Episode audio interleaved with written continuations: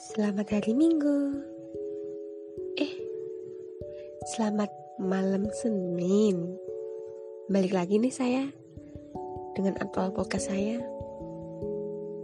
Besok udah hari Senin aja ya. Gak kerasa hari di awal minggu yang paling dibenci para pekerja dan pelajar kini menjadi sesuatu yang kurindukan. Kalian juga enggak?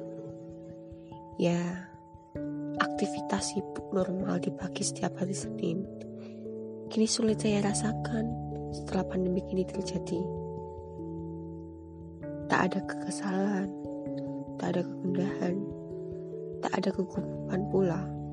Bahkan, keromantisan hari Senin pun kini hilang mulai rasanya.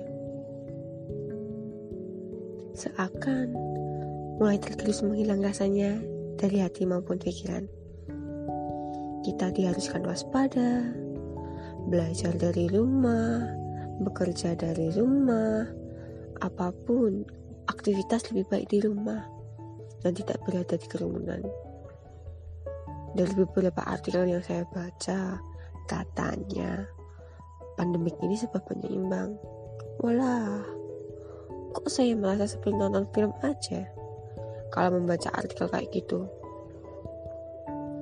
Hmm, yang saya tahu, alam semesta ini hidup, bumi ini hidup. Selayaknya bukan hanya manusia yang diberi kehidupan. Semoga cepat berakhir ya pandemi ini.